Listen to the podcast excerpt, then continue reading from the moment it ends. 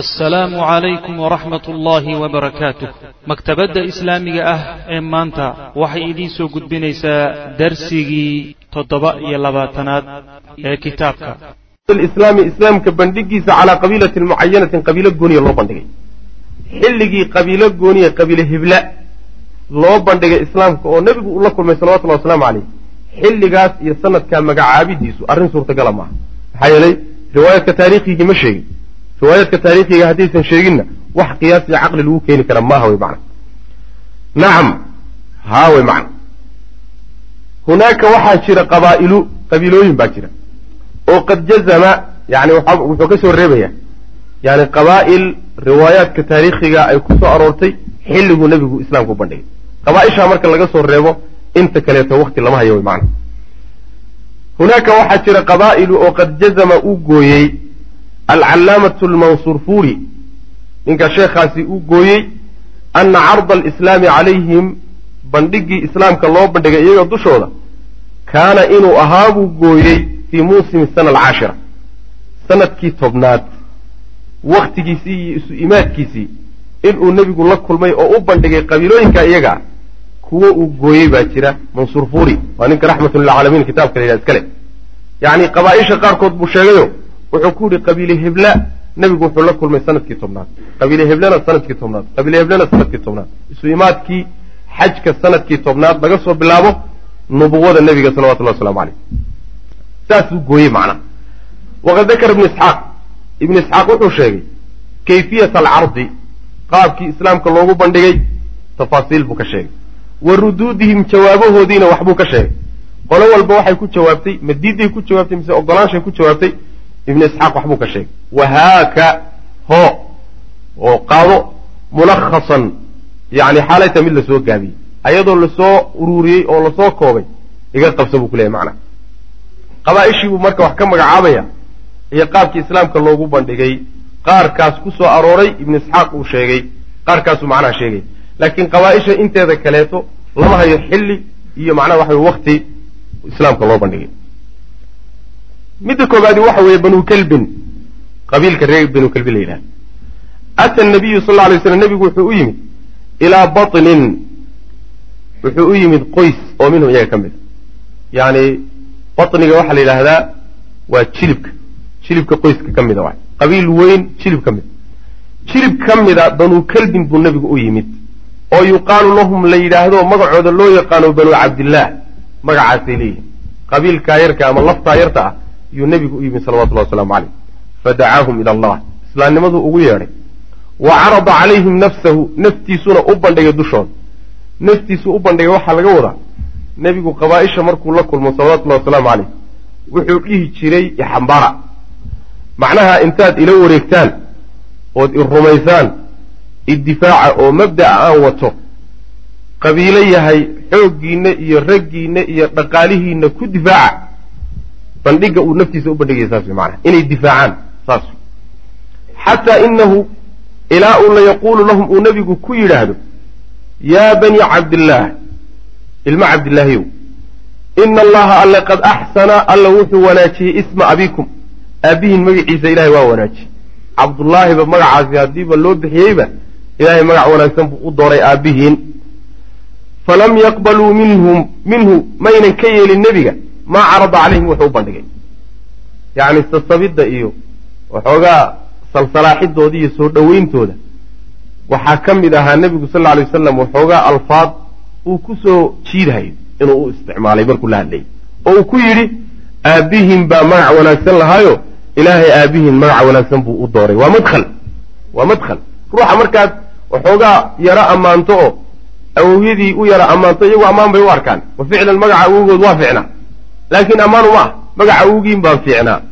Awowguna hadduu xumaa qiimo weyn u keeni mayso laakiin waa madkhalo ayagaa lagu gelaya ayagaa lagu gelaya nabigeena salawatullahi wasalaamu aleyh ninkii la odhan jiray hiriqla markuu u diray waraaqda waa kii odhan jiray ilaa hiriqla cadiim ruum.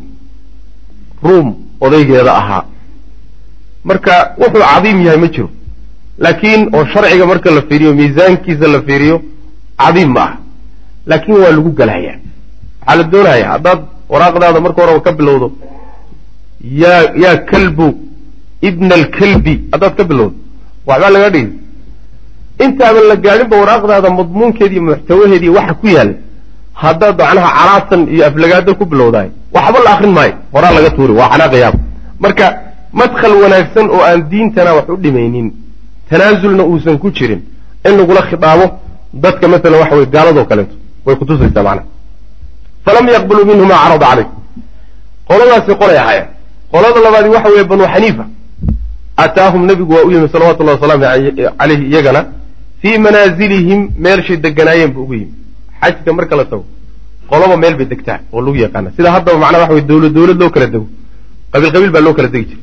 Meeshay deganaayeen buu marka nebigu ugu tegay salawatullahi waslamu caleyh fadacaahum ila allah.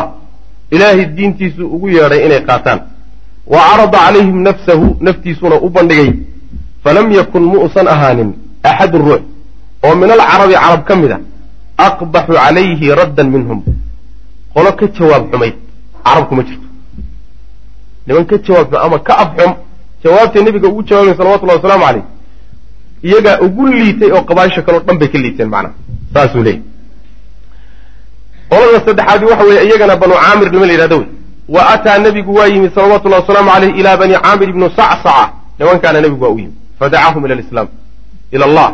Islaamnimadu ugu yeedhay. Wa carada calayhim nafsu. Faqaala baxiiratu bni firaas. Nin magacaa la yidhahdo oo rajulun minhum nin iyaga ka tirsan ahaa. Nin la socdo ka mid ahaa.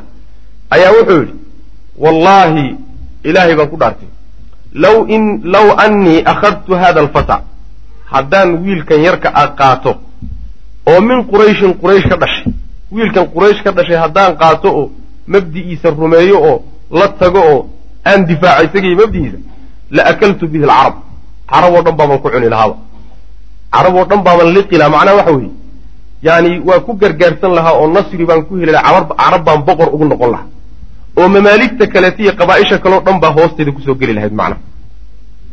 Uma qaala wuxuu yidhi yani waa nin taqriiban kursi doon a wahay marka gorgortan buu la gelayaa nebiga salawatullahi wasalaamu caleyh taqriibanna waxaad moodaa meeluu ka helay ma aqaana inuu rumaysan yahay hadduu qaato inuu gargaar iyo guul ku gaadhayo laakiin dhamaca iyo jacaylka kursiga ka qaalibo inuu ogolaansho ka helo markuu nebigu geeriyoodo kadib markuu geeriyoodo kadib kursiga yaa ku wareegi doona.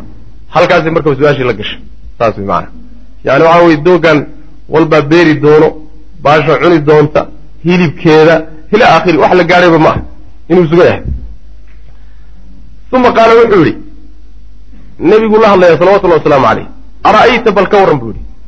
In naxnu baayacnaaka calaa amrika. Arrinta aada wadato haddaan kugula heshiino oo arrinka aan kaa ogolaanno. Uma adhara allaahu adharaka allaahu. Ilaahayna uu kuu gargaaro calaa man khaalafaka cid walba oo ku khilaafsan oo ku diidan uu kaaga gargaarood ka adkaato ayakuunu lana alamru min bacdika. Arrinku annaga ma nagu soo wareegahaya adugu markaad dhimato kadib yaani talada iyo ila nebinima ma jirtee? Laakiin talada iyo kursiga iyo boqortooyada iyo adigu markaad ka tagto kadib annaga reer bani caamir ah ma nagu soo wareegaysaa. Qaala nebigu wuxu uhi salawatullahi wasalaamu calayhi alamru ila allah. Arrinta ilahi baa iskale macnaha waxay kutusaysaa inuu nebi yahay. Hadduu nin yani siyaasi ahoo shacbiyadoona uu ahaan laha daddoon ah ama run ka hata ama been ka ahaatee haa waan imsiinhaya idinku ku wareega buu dhihi laha ballanqaadka noocaasoo kala bixin laha laakiin taladu isaga lama taalla go'aankan isagu ma lehe. Go'aanka meel ka shishaysu jira. Ilahay baa iskale subxana wa tacala alamru ila allah. Ilahay baa garanaya cidduu u dhiibi doona subxaana wa tacala yadachu xaytu yashaa meeshuu doonuu ilaahay dejinay subxaana wa tacala marka ballanqaadyo looma galo aadan ka soo bixi karaynin ama aan tabartaada ahayn liajli maslaxati dacwa. Maslaxati dacwa looma galo. Maslaxati dacwa dad fara badan baa macnaha waxa weye ku taraaraxay. Fa qaala lahu markaasa wuxuu ku yidhi afanahdifu nuxuurana lilcarabi dunaka faida adharaka allahu kana alamru ligayrina afanahdifu miyaanu taarged uga dhigaynaa oo aanu yani aadinaynaa nuxuuranaa dhuumahanaga dhuuntannada miyaanu aadinaynaa oon taarged uga dhigaynaa lilcarabi carab duunaka adiga sokadaada ma intaanu kaa soka marno yaanu carab warmaheeda iyo fallaadhaheeda iyo dagaalkeeda yaanu dhuunta u dhigannaa miya. Uma marka fa idaa adharaka allahu ilaahay markuu guulku siiyana oo intaanu baaba'no oo ragganagii baaba'o oo intaasoo dhibna soo gaadho guusha aad hesho. Miyuu kaana alamru ligayrina? Taladu markaa kadib annaga cid aan ahayn markay kar yeelanaysaa miya. Ma saasaan kaa yeelayna? Idinku macnaha waxa weeye dheef dhibka gala. Dheeftana idinka cid aan ahayn baa qaadan doonto. Warkaasi waraan kaa yeelayna ma ah wey macna haddaad ballanqaad ana siinayso kursigu idinkaa ku wareegi doona taa un baan macnaha arrinka ku geli karna wuxuu yidhi laa xaajata lana biamrika arrinkaaga wax danaba kama lihin maba rabnaba fa abow calayhi way diideen nabiga salawatullahi wasalaamu calayh. Kuma rabno yidhahda waxaad wadatana ma rabno. Yani waxa weye annaga markaan dhib gelayno waa inaan haysanno dheef madmuunoo naloo damaano qaaday. Oo macnaa waxa way kursigaa inaan yeelanayna haddaad diiday sooma. Meeshaaduna kala dhac. Nala dhaaf bay ku dhehen walamaa rajaca markuu laabtay banu caamir reer bani caamir markay laabteen oo guryahoodii iyo deegaankoodii ku laabteen yaytaxadatuu ilaa shaykhin lahum. Nin oday ahoo ayaga ka dhashay bay u warrameen ninkaasoo lam yuwaafi lmuusima aan imaanin isu imaadkii xajka. Xajka aan imaanin oo ka hadhay oo ka baaqday. Muxuu uga baaqday likibari sinnihi da'diisa weynankeeda nin da' weyn oo aada u da' weyn buu ahaa marka wuu ibaan kari waayey. Meeshii buu ku hadhay marka. Guryihii bay ugu tageen meeshii markay ku laabteen bay marka warkii u waay wa qaaluu lahu waxayna ku yidhahdeen jaa'anaa waxaa noo yimid fata wiil igaadh ah fatan oo min qurayshin min bani cabdilmualib weliba reer bani cabdilmualib oo yazcamu sheeganaya annahu nabiyun inuu yahay. Yadcuuna wuxuu noogu yeedhayaa oo naga codsaday ilaa an namnacahu inaan difaacno oo wanaquuma macahu aan isgarab taagno codsigaana waa noo soo gudbistay wanakhruja bihi ilaa bilaadina oo wanakhruja waxaa kaloo noo soo bandhigay inaan la baxno oo aan kaxaysanno ilaa bilaadina wadanna wadannadii aan u kaxaysanno markaan u ballan qaadno inaan difaacayno isgarab taagayno mabdu watana qaadanayno markaa kadib inaanu waddankanagii la aadno oon kaxaysanno ayuu noo bandhigay. Fa wadaca ashaykhu ninkii odayga ahaa wuxuu dhigay oo uu saaray yadayhi labadiisa gacmood buu calaa ra'sihi madaxa saaray. Yacni waa yaab waa yaab. Waa fajacay oo nimanka faa'iidada dhaaftay iyo arrintu say uga hoos baxday yuu la fajaco la yaabay macna. Uma qaala wuxu uhi yaa bani caamir ree bani caamirow hal lahaa min tilaaf arrintu badbaado ma leedahay. Lidunaabaaha hal lidunaabaaha saynteeda iyo dabadeedu min matlabin raadin ma leedahay. Arrintu dabaqabasho ma leedahay way macna. Meel laga gaadho arrintu si xun bay idinka fakataye meel hadda raati raaco oo ninkii aan ka gaadhno oon ka soo qabanno ma ma jirtaa buu yidhi macna. Waladii nafsu fulaanin biyadihi hebel gacantiisu hebel naftiisu allaha ay gacantiisa ku jirtaan ku dhaartee maa taqawalahaa ma uusan odrhonin oo ma abuuranin.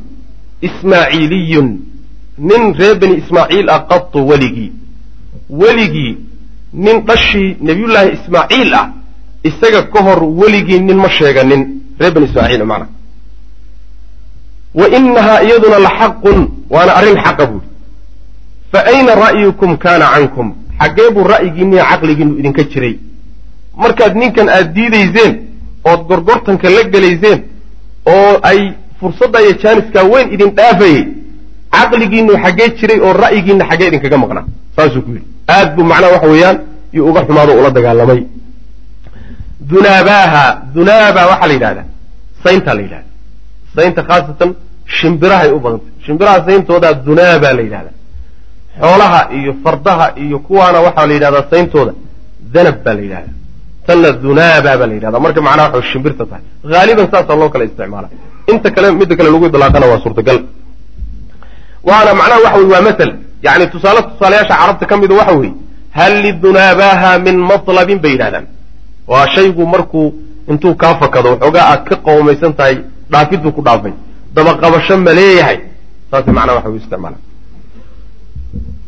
almu'minuuna min hayri ahli maka mu'miniintii aan ree maka ahayn ayuu meesha ka guda gelaya yacni nabiga salawatullahi wasalaamu caleyh intaan hadda soo dhaafnay oo dhan dadka rumeeye waxay ahayn ree makay ahayn halkan waxaa ka bilaabanaya marka mu'miniin cusub dad cusub oo deegaamo kale waddamo kale ka yimid oo aan ree maka aynu nabiga rumeeyey salawatullahi waslamu caleyh wa kamaa carada rasulu lahi sal ly slam siduu nebigu u bandhigay alislaama islaamka siduu ugu bandhigi jiray cala alqabaa'ili walufuud qabaaisha iyo wafdiyaalka siduu ugu bandhigi jiray ergooyinka ayuu carada nebigu wuxuu bandhigi jiray islaamka cala alafraadi walashkhaas ruux ruuxna nebigu waa uu bandhigi jiray salawatullah waslamu aleyh iyo shaks shaks wa xasala min bacdihim.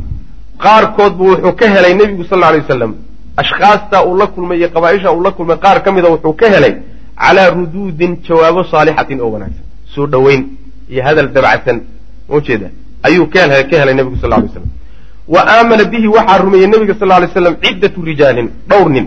Bacda hada almuusimi isu imaadkaa kadib biqaliilin wax yar isu imaadkaasi markuu dhamaaday wax yar kadibba rag dhowraa nabiga rumeeyey salawatullahi waslamu aleyh oo aan ree maka ahayn. Wa hunaaka waa halka waxa ah lawxatun minhum.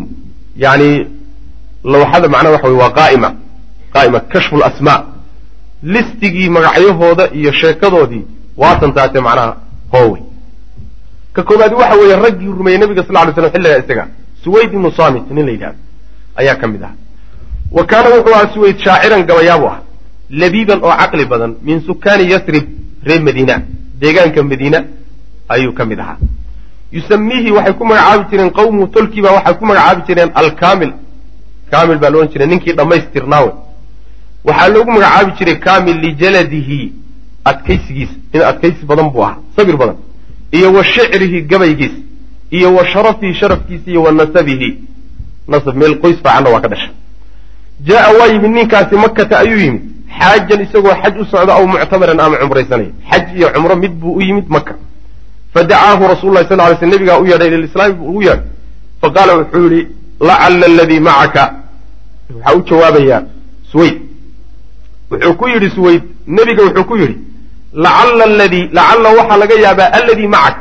Midka aad wadateed bandhigaysa dadka u sheegayso waxaa laga yaabaa mithlu ladii maci ka anigu aan wato oo kale inuu la mid yahay. Wax iskumada mida inaan wadanaaba laga yaaba oodayna dhaaminba ilan aniga laftaysa nin caqli badanoo yani xikmad badanoo waxyaalo badan hayaan ahay.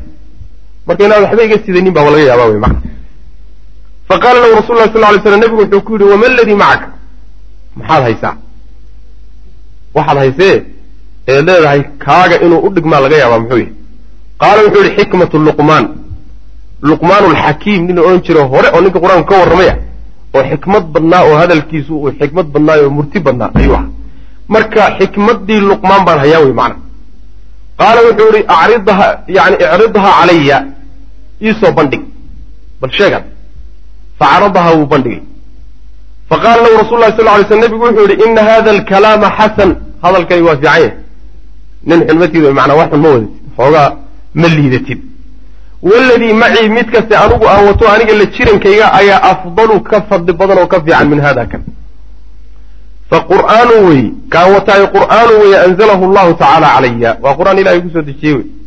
Huwa isaguna hudan hanuun iyo wa nuurun iftiin wa adugu xikmatu luqmaan baad wadatahay allihii luqmaan abuuray oo uunkao dhan abuura oo adiga ku abuuray ayaan anigu qur'aankiisii wataa wey macnaha. Wax laysgarab garab dhigi kara ma ah.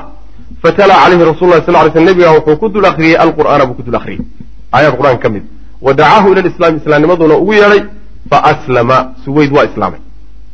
Wa qaala wuxuu yihi ina hada kani laqawlun xasanun waa hadal fiican buu falama qadima almadiinata wuu soo laabtay marka.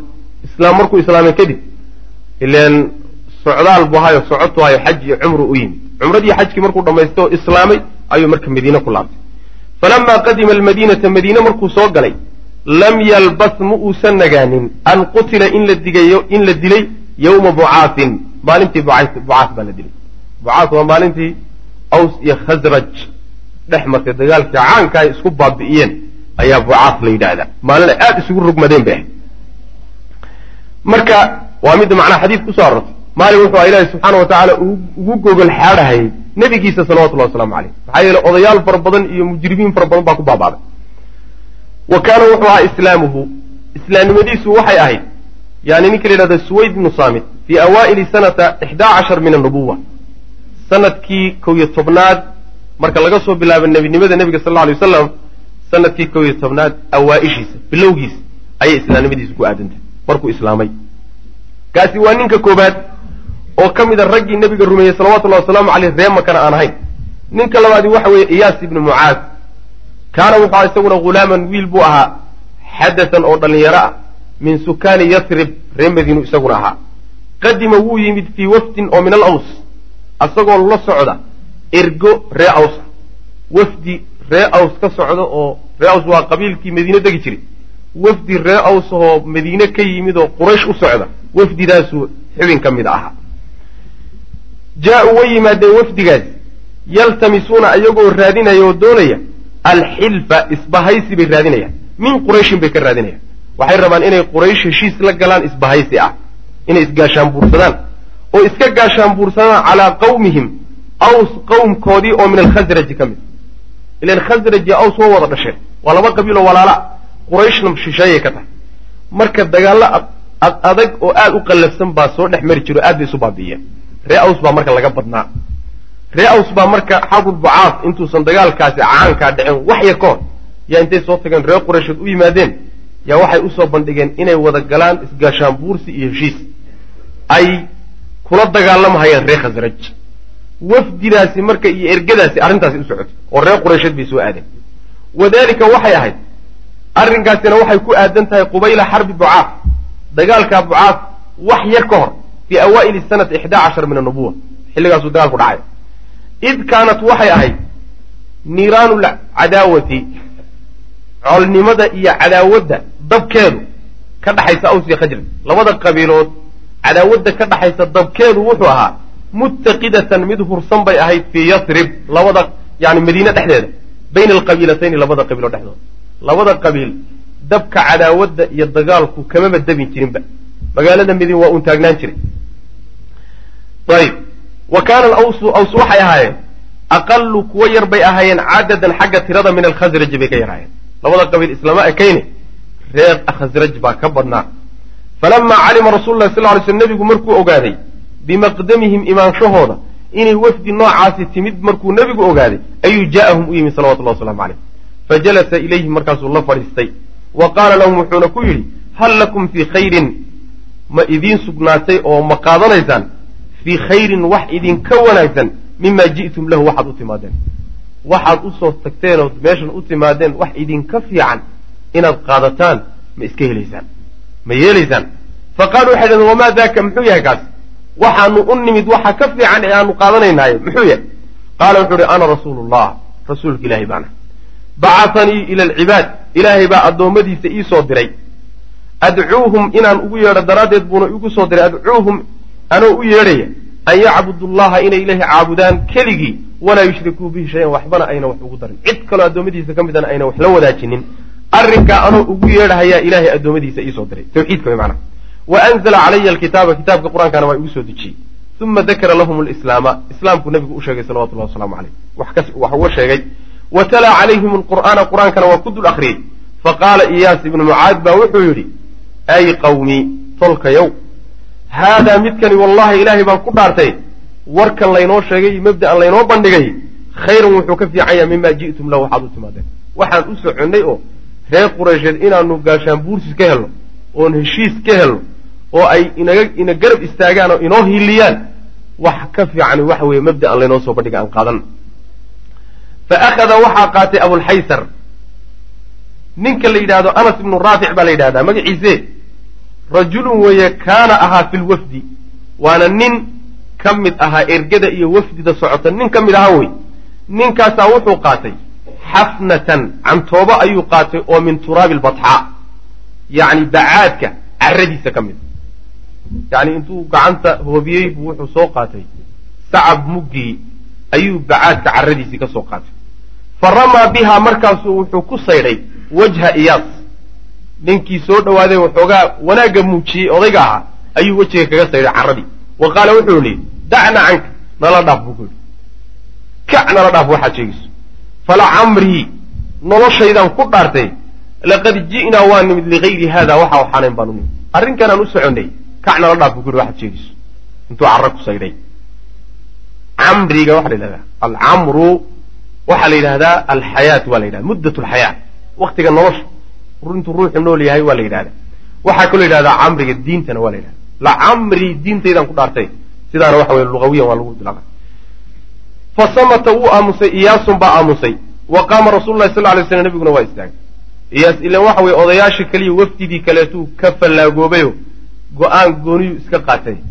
Markii shib la yidhi wuu iska aamusay marka. Nebigu marka waa iskaga kacay salawatullahi wasalaamu caleyh wansarafuu way laabteen ila lmadiinati bay ku laabteen min ayri min hayri an yanjaxuu ayagoon ku guulaysanin fii caqdin heshiis fii caqdi xilfin heshiis guntintii ay guntaan maca qurayshin quraysh ay la guntaan macnaha ayagoo arrintay u socdeen iyo muhimmadoodii ku fashilmay oo quraysh waxay ka doonayeen ka waayey ayay markaa kadib madiine ku laabteen wafdidii ree aws ee socotay. Wa bacda rujuucihim laabashadoodii kadib ilaa yasrib markay u laabteen markay madiine ku laabteen kadib lam yalbas ma uusan nagaanin iyaasun ninkii iyaasa odayga aha an halaka inuu dhintay. Waaba markiiba macnaa waxa weye geeridaa ku soo degdegtay.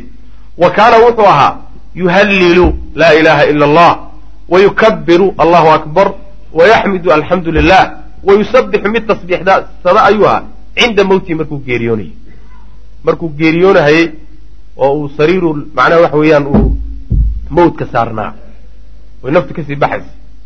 Tawxiidka iyo takbiirta iyo tasbiixda iyo yuu ku geeriyooday falaa yashukuuna ma ay ka shakisna marka dadku.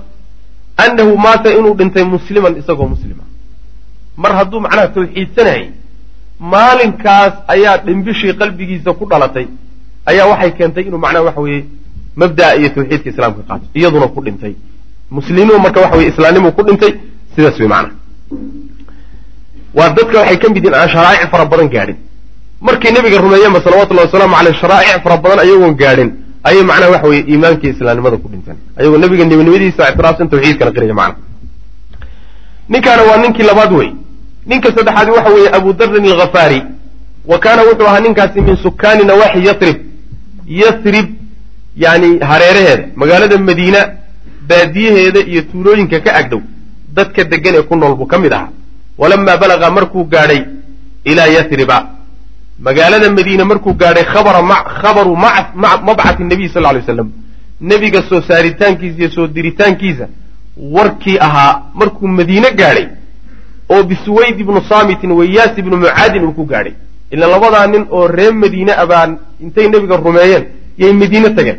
Warkii markaba madiinuu gaadhay labadaa nin sababkooda markuu warkii ku gaadhay madiine ku gaadhay ayaa waqaca waxaa dhacay fii uduni abi darin abi darin alkhafaari ninka la yidhaahdo ayaa dhegtiisa waxaa ku dhacday aydane islaamnimadii baa ku dhacday. Macnaa wuxuu maqlay nebiga salawatullahi wasalaamu caleyh wa saara wuxuuna ahaa maqalkaasi in nebi laga soo saaray maka maqalka noocaasi sababan sabab buu u ahaa liislaamihi inuu islaamo. Abu dar islaamnimadiisay sabab u ahayd. Maxaa yeelay xadiidka bukhaari ee soo socda ayaa inoo sheegi doona qaabkii uu sababka ugu noqday. Waa kan inoo soo socda rawa bukhaariyu imaam bukhaari wuxuu wariyey can ibni cabaasin qaala wuxuu yihi qaala abu darin abu dar wuxuu yidhi kuntu waxaana rajulan rajulan nin ayaan ahaa oo min hafaar ree hafaar ka mid a fabalaganaa waxaana soo gaadhay annagoo ree hafaar waa qabaaishii madiine degi jira waay fabalaganaa waxaana soo gaadhay ana rajula nin qad kharaja inuu soo baxay bimakkata maka inuu ka soo baxay ninkaasoo yazcamu sheeganaya annahu nabiyun inuu yahay nin nebinimo sheeganaya inuu maka ka soo baxay baa madiine noogu timid annagoo meeshana iska degan oo reeraha naga dhex joog fa qultu waxaan ku idhi liakhii walaalkay waxaan ku idhi inaliq tag ilaa hada arajuli ninkaa la sheegaya aad wa kallimhu la soo hadal. Yani waxa weeyaan war lagaaga sheegay ha ii keenin. Intaad u tagto yani waxa wey foolka fool ula fadhiiso wainii ii keen bikhabarihi warkiisana ii keen. Markaad la kulantood la fadhiisatana war buuxa ninkaa iiga keen baan ku ihi fanalaqa wuu tegey wiilkay walalahaayeen falaqiyahu nebiguu la kulmay salawatullahi wasalaamu caleyh uma rajaca markaasuu soo laabtay. Faqultu waxaan ku idhi haddaan abu dar ahay maa cindaka? Maxaad haysaa? Maxaad la soo wallaabatay ood wadaa. Fa qaala wuxuu ihi wallahi ilaahay baan ku dhaartee laqad ra'aytu waxaan arkay rajula nin ayaan arkay oo ya'muru bilkhayri dadka wanaagga faraya oo wayanhaa can ishari xumaantana dadka ka reebaya. Intaas unbuu warkii ugu gaabiyey ninkaasi wanaagna dadka waa ugu baaqayay xumaanna waa ka celinayay bas. Fa qultu waxaan ku idhi lam tashfinii min alkhabari warka maadan iga caafinin yani hadalka maadan iga dharjinin wey. Waxyaalo fara badan waxaan kuu diroon halkan kaaga sahayay ninkan inuu dadka khayrna ugu yeedhayo sharna ka reebahaya madiinaan ku hayni laakiin faahfaahin intaa ka fara badan iyo su'aalo intaa ka badan iyo taxqiiq badan inaad ninka la yeelataan kuu diray warkan duuduubane marka soo tabisay iguma filla wey macana war ideeqay ma aha. Fa akhadtu markaasaa waxaan qaatay jiraaban oo khole ayaan qaatay iyo wacasan ul jiraabka waxaa la yidhahda bahal harag ka samaysanoo ay ku qaadan jireen sahayda timirta iyo yani wixii kale ay ku shubanhayaan waxaa kaleeto lagu ritaa macnaha waxa weye leebabkana waa la gashada oo garabkaa la geliyaa taqriiban. Kaasaa la yidhahda marka okholaan qaatay buu yidhi iyo sidoo kaleeto ul uma aqbaltu ilaa makkata maka ayaan marka soo aaday. Fa jacaltu waxaan gudagalay marka laa acrifu inaanan garanayn oo maka timide. Maxaad ka taqaanaa? Ninka wejigiisa ma taqaanid? Dadka lama hadli kartid oo war ninkii itusa ma dhihi kartid? Oo ninkan waaba nin lala dagaalsanya? Cadowgii inaad u gacan gashaaba laga yaabaayo lagu dilaba. Magaaladii markaa ninkii maba garanayaba. Ma aqaano. Wa akrahu waxaanan nacbaysanayaa oo necbahay an as'ala inaan weydiiyo canhu xaggiisa. Inaan dadka warsadana waa diidanahay wejigiisana anugu shaksiyan ma aqaano balseed ku garan marka. Wa ashrabu inaan cabaya ayaan gudagalay min maai zamzama. Iyo jid uu u maro nabiga salawatullhi wasalaamu aleyh garashadiisii buu laayay muddaan iska dhishoogo meesha. Qaala wuxuu yihi famara bii waxaa isoo maray caliyun baa isoo maray. Cali bn abi aalib baa maalin maalmaha ka mid a anoo sidii ah ayuu isoo maray. Fa qaala wuxuu yihi cali kaana arajula gariib. War ninku maxaad u moodaa inuu qariib yahay. Nin aanu waddanka yani deegaankiisa ka mid ahayn oo waddanka aqooninoo magaalada aan cid ka aqoonin maxaad u moodaa ninka? Soo uma eka qaala wuxuu yihi qultu markaasaa waxaan ku yidhi nacam haa qariib baan ahay. Bu fa qaala wuxuu yihi fainطaliq ila lmanzili inakeen guriga aale aadne. Yani inakeen aan israacno xaafadda i raac. Yani waxay ahaayeen deeqsinimadooda waxaa ka mid ahay nin qariiba hadday arkaanoo aan magaalada aqoonin way kaxayn jireen. Markaasay guriga geyn jireenoo sooryi jireenoo markaa kadib macnaha waxa weeyaan eh, safartiisi iyo socdaalkiisa uu sii wadan jiray. Marka wuxuu ku yidhi fanaliq ila lmanzil inakeen guriga aan aadna fanalaqtu macahu markaasaan raacay. Ama fanalaqa ila lmanzili gurigii buu aaday. Cali fanalaqtu macahu waan raacay. Laa yas'alunii isagoon iweydiinayna can shayin waxba aan warsanayn walaa as'aluhu ana aanan waxba warsanayn walaa ukhbirhu waxbana aana u sheegin. Shib baan waaba kala aamusnay macnaheedu waxa weeye asagu ima waraysaninoo ima odhanin bal iska warran. Xaggeed ka timid oo maxaad u socotay oo maxaa meesha ku keenay oo ima warsanin. Aniguna waxbaba ma weydiininba. Yaa tahay iyo. Bal meesha nin ka soo baxay iga warran iyo. Warba maana isla gaadhin aniguna kuma bilaabin oo iskama warramin ilan mar adiga lagu weydiiyo oo lagaa dalbo warka iyo maraad adugu ku bilowda o kale tahay walaa ukhbiruhu anigana warka kuma bilaabin. Sidii baan ku kala aamusnay xaafaddana waan isu raacnay. Falamaa asbaxtu markaan waa beristay ayaan hadawtu waan soo kallahay ila lmasjidi masaajidkan u soo kallahay markaan waa beristay oo xaafaddii kuwaa beristay baan masaajidka soo aaday. Waxaan u soo aadayaa lias'ala canhu si aan nebiga u warsado. Dadka si aan u weydiiyo bal nebiga salawatullahi wasalaamu caleyh walaysa ila waa ku kasbanaaday marka. Jid kaloo uu ku garta waa. Qasab marka waxa weeye inaan dadka weydiiyo oon bal idhahdo bal ninkaa ii tilmaama. Walaysa muusan ahaanin axadun ruuxna yukhbirunii mid ii warramaya canhu nebiga xaggiisa bishayin waxba iiga warramay cid wax ii sheegtaba waaye xataa haddaan dadkii way weydiiyey wax ii sheegaba maba jiraba shib baaba laga yidhi yani waxa weye waa magaaladaa isku ogo. Waa waxa la yidhaha macnaa waxa weeyaan dacwada inay dadka gaadhaan la diidan yahayo ninka ninkii doonahaya ninkii arka cid doonayso ha u sheegin ha u kaalmayn. Haddaad ka celin kartana kaba celi haddaad dili kartood ka takhalusi kartana kaba takhalus. Saas way maanaa heshiis noocaasa meesha yaal. Marka wax ii sheegaba waa la ahay qaala wuxuu yihi famara bi caliyun. Yani mabda adeegoodaad ka garanaysa. Dadkan dad aada u mabda adag baya waxay rumeeyaan waxay u mari jireen wax walbo adag saasay ahaan jireen ridwan ullahi caleyh waxaad arkaysaa intay magaaladii yimid oo waxba ka fahmi waayey oo jid u bixilaaya yo haddana wuxuu musamim ku yahay inuu u gaajoodo u rafaado si uu u gaadho macnaha yoolkiisa iyo hadafka u leeyay ee meesha uu yimid haddaan maanta ahaan lahayn waxoogaa markay kugu yar or waxan gabaas naga kaxee baad ohan layd maana naga kaxee baad ohan lahayn waxan kadaata wax lagu iskuba lagooye meeye jidba ma lahay naga celi baad ohan marka dad saa u adag bay ahaayeen radia allahu canhum wa ardaahum. Famara bi caliyun cali baa isoo maray. Anoo sidii oo masaajidka jooga haddana cali bni abi aalib oo socdaa isoo maray.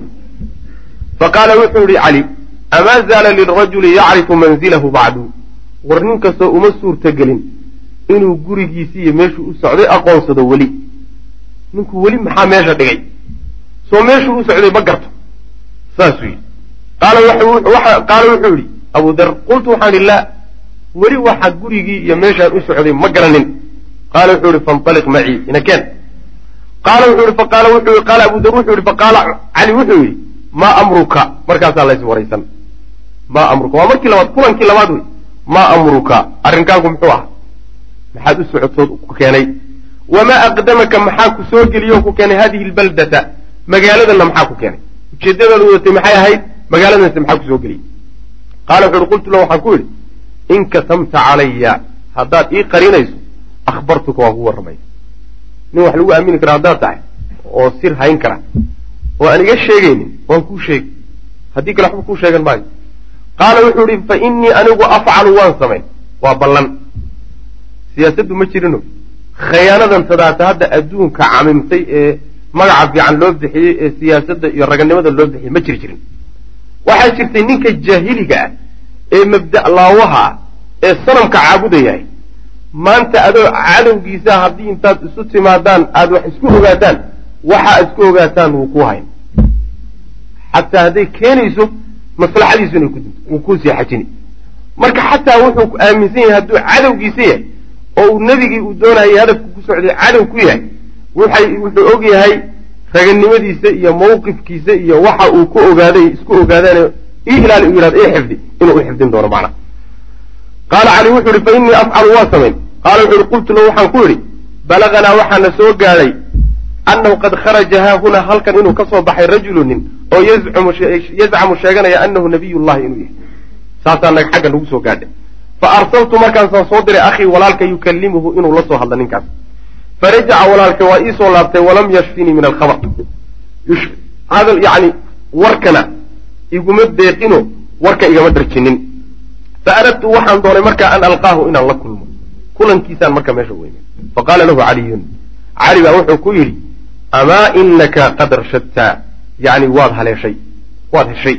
Waad hanuuntay oo meel wanaagsan baad ka soo dhacday haadaa midkani wejhii wejigaygii weeyey iyo sejeedidayda ilayhi isagaan u sii jeedaa haddadan tadaataba isagaana u sii socdaa ninkaad weydiinaysaay yaaban xaggiisa ku socdaayo meeshuu joogay udkhul gal buu ihi xayu adkhulu meeshaan galo waxoogaa marka waxaa jirta wuxuu ka cabsanayaa raacidda uu raace iyo daba socodka cali uu daba socdo lafteeda waxay u baahan tahay in la qorsheeyo oo si qaabaysan ay isu raacaan haddii lagu ogaado ninkan kadaata xagga ka yimid inuu cali la socdo oo uu nebiga u socdo salawatullahi wasalaamu caleyh waaba la diliba wuxuu u dejinayaa marka qorshihii ay nebiga ku wada gaadhi lahaayeen.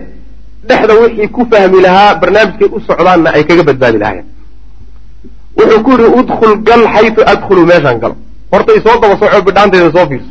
Meel alla meeshaan galana iga soo dabagal fa innii anigu in ra'aytu haddaan arko axaddan ruux oo akhaafuhu calayka aan kaaga cabsanayo ruux aan ka cabsanayo inuu ku dilo ama dhib ku gaarsiiye haddaan arkaa haddaan arko qumtu waan istaagi ila alxaa'iti xagga derbigaan isu taagi. Derbiga derbi ahaan markaa iigu dhow ayaan xaggiisa u istaagaya kaannii uslixu nacli sidii anigoo kab hagaajisanayo o kaleeto kab iga go'day sidii anigoo dhaadahayo oo kale ayaan macnaha derbiga xaggiisa isu taagi. Marka waa astaan iyo calaamo iyo baaq. Garo marka waxa weye mar haddaan saa isu taago nin cadowaan arkay ayib maxaa samayn marka wamdi anta iska soco? Haddaan istaago ha ii istaagina yaan lagu fahmina idhaaf. Saas way maanaa horay isaga soc yaan la isku keen fahmin. Famadaa wuu socday cali wamadaytu macahu waan raacay. Xataa dakhala ilaa uu ka galay. Saas way maanaa wa dakaltu macahu waan soo galay. Cala nabiy sal lay slam nabigaan u soo galay. Wax dhiba jidka mayna kula kulmin. Laakin waa taxadar waa la taxadaraa haddaad cadow ka cabsanayso tadaadiir fara badan baa la qaataa yani taktiik fara badan iyo taxadar fara badan ayaa la qaataa. Maxaa yeelay ruuxa muslimka ah yani waa fatin waaye. Waa ruux caqli badan. Laa yuldaqu lmu'minu fii xujrin maratayn lagama qanino god.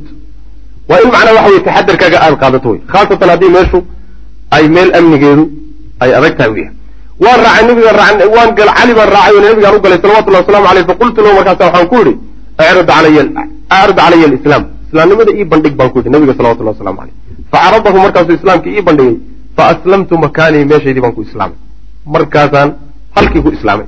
Faqaala lii wuxuu yihi nabigu sal lay slam yaa abaa darin abu darow uktum hada alamr arrinkan qari. Yaan lagu ogaanin inaad i rumaysay arrinkuu qarsoon ha noqdo. Warjic noqo ilaa beledika dhulkaagii u noqo. Reerkii ka timid iyo qoyskaad ka timidna u noqo. Fa in balagaka hadduu ku soo gaadho duhuurunaa in aanu guulaysanay oo aanu soo caanbaxnay markay ku soo gaadho fa aqbil noo imow hadda laakiin reerkaagi iskaga noqo iimaankaagii islaamnimadaadana iska qarso saasaan ku idhi. Saasuu nebigu ku yidhi salawatullah waslamu caleyh fa qultu markaasaa waxaan idhi taasi waxay ka ahayd dadaal nebiga salawatullahi wasalaamu caleyh uu u dadaalayo ninkan islaamnimadiisu cusub tahay iyo turid uu u turayo. Maxaa yeele isagoo ruuxa islaamnimadiisu cusub tahay haddana haddii cadaadis iyo ciqaab iyo dhib la gaadhsiiyo waxaa laga yaabaa inuu ridoobaba oo islaamnimadii ka naqdaba marka turid uu nebigu u turay salawatullahi wasalaamu caleyh wuxuu ku yihi ruksada qaado islaamnimadaada iska qarso mar alla markaad maqasho inaan xoogaysanayna noo imow ma yeelayaa isagu? Maya dhimbishii iimaankaa hurinaysa. Dhimbishii iimaanka ayaa hurinaysa maba dhegaysanay war la yidhahdo isqariba. Waa diiday. Fa qultu waxaani waladii macbuud baan ku dhaartay bacasaka bilxaqi xaq kugu soo saaraye la asrakanna waan la qayliyo oo waan la dhawaaqi. Bihaa kelimadaa iyadaa bayna adhurihim dhexdoodaan la dhawaaqi.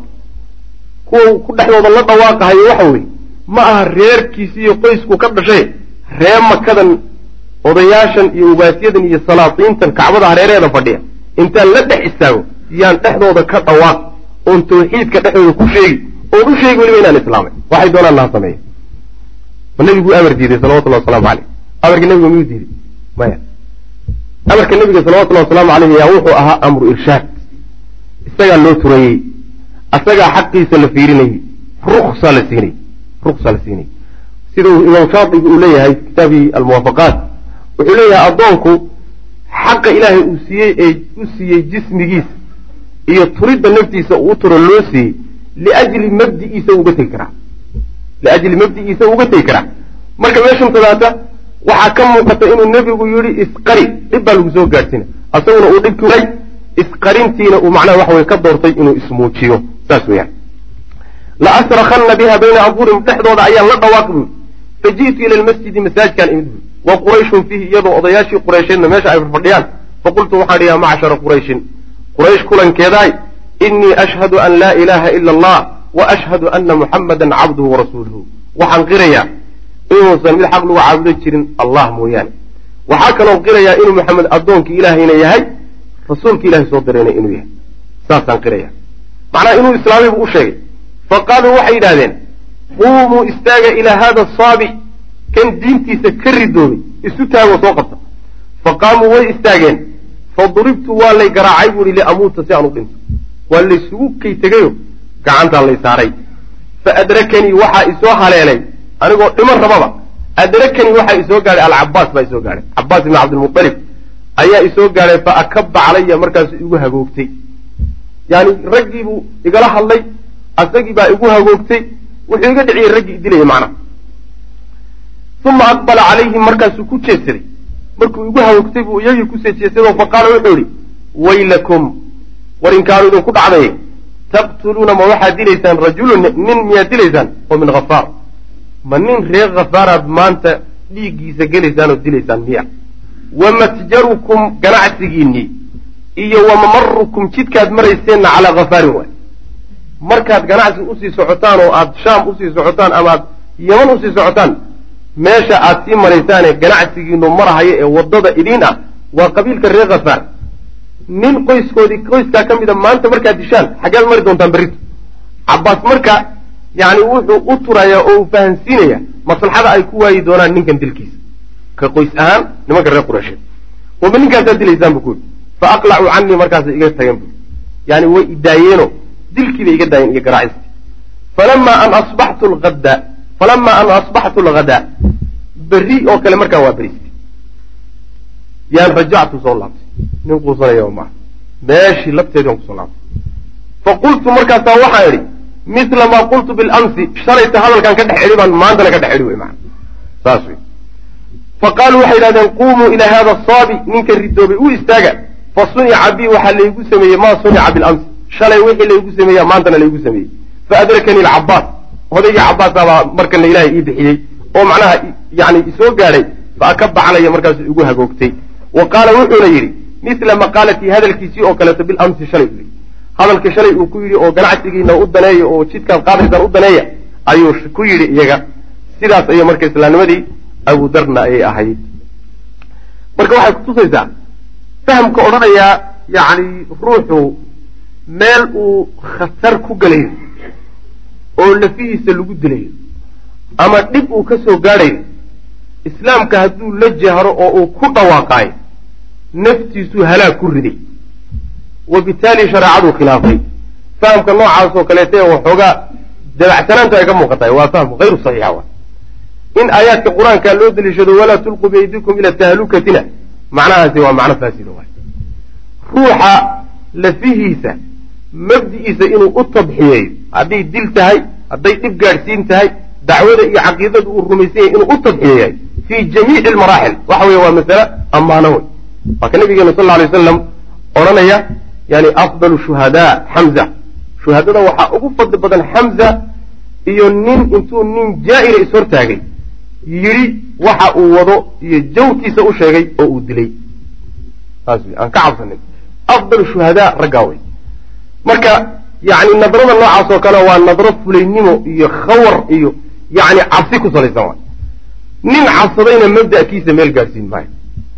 Abu dar oo shisheeya oo meel shishe ka yimi quraysh oo wiilashoodiiba ka baxsan la'yihiin markuu intuu isdhex taagay kelimada uu iska dhex taagay waxa weeyaan waa akbaru daliil.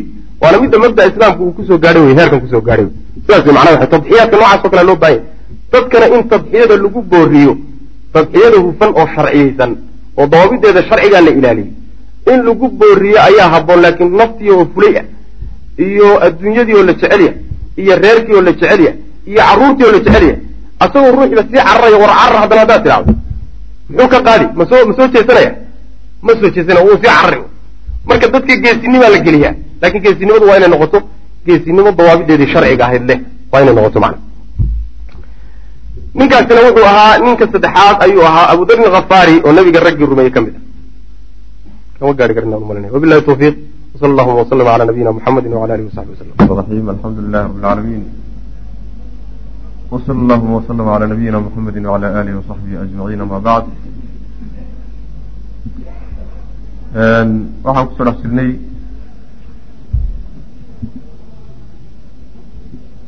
mawduucii uu sheekhu ka hadlayey dadkii mu'miniinta ahaa ee nebigu rumeeyey salawatullahi wasalaamu caleyh ee reer maka aan ahayn macnaha deegaamada kale iyo qabaa-isha kale dadkii ka yimid ayuu ku soo dhex jiray waxaan ka soo baxnay marka suwayd ibnu samit oo reer madiine ahaa iyaas ibnu macaad oo isagana reer madiine ahaa iyo abu darin alkhifaari oo inoo dambeeyey saddexaasan ka soo baxnay ka afraadi waxa weeyaan oo ka mid ahaa dadkii nebiga rumeeyey salawatu ullahi wasalaamu calayhi reer makana aan ahayn waa tufayl ibnu camrin iddawsi ninkaas ayaa ninka afraad ah kaana wuxuu ahaa dufayl rajulan nin ayuu ahaa shariifan sharaf badan shaaciran oo gabayaa ah labiiban oo dhug leh yacni caqli badan. Ra'iisa qabiilati dawsin qabiilada reer dows ayuu oday u ahaa ugaas buu u ahaa suldaan buu u ahaa isin buu u ahaa waxaa doonta adugu qabiiladaasu odaygeeda ahaa. Wa kaana waxaa ahaa liqabiilatihi qabiiladiisu waxay lahayd imaaratan ayay lahaan jirtay. Yani dowlad goboleed. Imaarada waxaa la yidhahdaa dowladda yarta ah.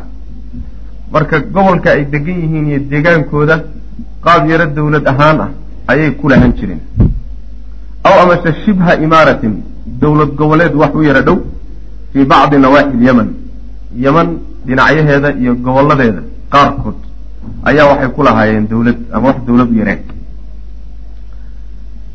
dufayl marka qoyskiisa ayuu oday u ahaa imaaradaas iyo dowlad goboleedka ay lahaayeenna isaga ayaa yani taqriiban suldaanka ah. Qadima wuu yimid marka makata ayuu yimid fii caami ixdaa cashara min annubuwa yani sannadkii kow iyo tobnaad marka laga soo bilaabo nebinimada nebiga sal lla alay slam kow iyo toban sano markii laga joogo sanadkaa kow iyo tobnaad ayuu madiine iyuu maka yimid. Asagoo macnaha waxa weeyaan iska socotooho maka iska soo booqday ayuu maka yimid. Faistaqbalahu waxaa soo dhoweeyey. Ahluhaa maka dadkeedii ayaa soo dhoweeyey oo ka hortegey qabla wusuulihi intuusan sooba gaadhin ilayha iyada warkii baa la helay qabiiladii reer dows ahaa suldaankeedii iyo ugaaskeedii baa maanta imaanaya meel magaalada ka baxsan baa marka lagaga hortegey si fiican baa loo soo dhoweeyey. Wa badaluu lahu waxayna waxayna u bixiyeen oo ay siiyeen ajalla taxiyatin salaam sharafeed midda ugu weyn bay siiyeen. Wa akrama taqdiirin iyo qadarin iyo ixtiraamkiisa ugu fiican bay siiyeen yani maadaama uu nin oday ahaa odaytinimadiisii bay ku sharfeen oo ku maamuuseen. Meel baa lagaga hortegey waa la soo dhoweeyey saleemo sharafeed baa la siiyey. Sidaasaa marka lagu qaabil oo lagu soo dhoweeyey. Wa qaaluu lahu waxay ku dhaheen wanaag uma soo dhoweysanayaan intaasoo dhan iyo qacdaa dhacaysa iyo orodkaa iyo mashxaradkaa iyo waxaas dhacaya wax kale uma dhacay. Waxay u dhacayaa un keliyata inay un digniin ka siiyaan nabiga salawatullahi waslamu aleyh dacwadiisa. Oo yidhahdaan iska jir intaa un bay u ordaayaan. Wax kale maaha wa qaaluu lahu waxay ku yidhahdeen yaa dufaylu dufaylow inaka adigu qadimta waad timid bilaadanaa waddankanagaa timid.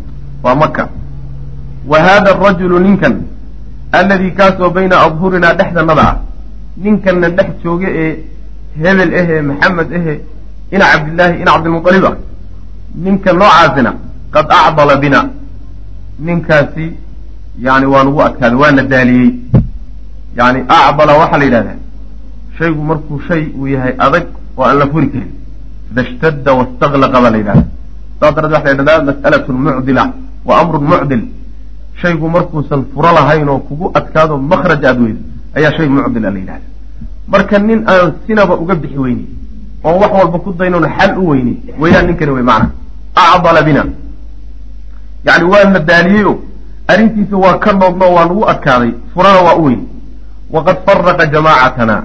Kooxdanadii iyo wadajirkanagiina wuu kala jebiyey.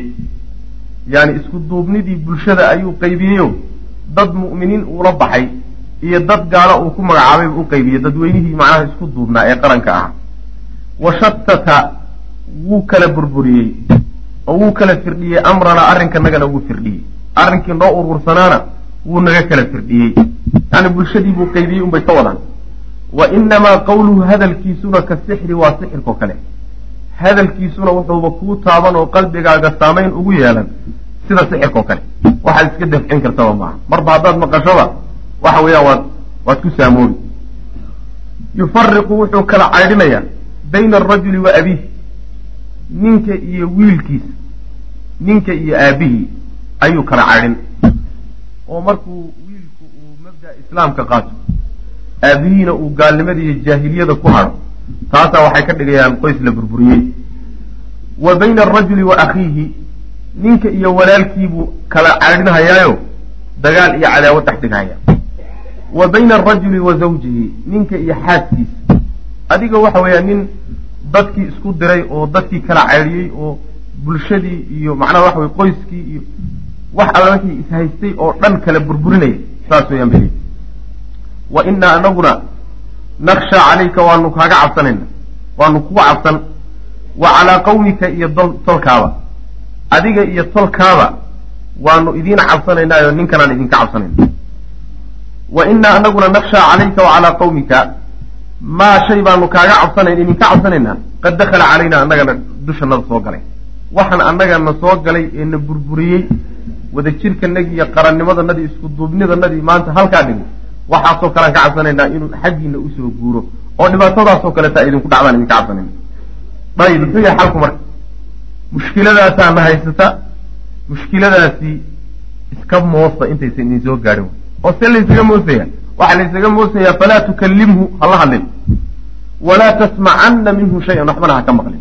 Kolley kolley waad arka isagoo meelaha wax sheegsheegaye dhag jalaq hawsiin hana la hadlin hadalkiisana ha dhegaysan. Taladaasay ujeediye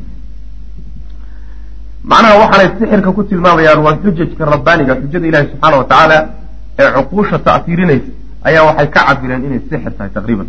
Marka haba dhegaysaninba maxaa yeele haddaad dhegaysato inaad ku ta'asubtaa laga yaabaayo xunku galaan macna.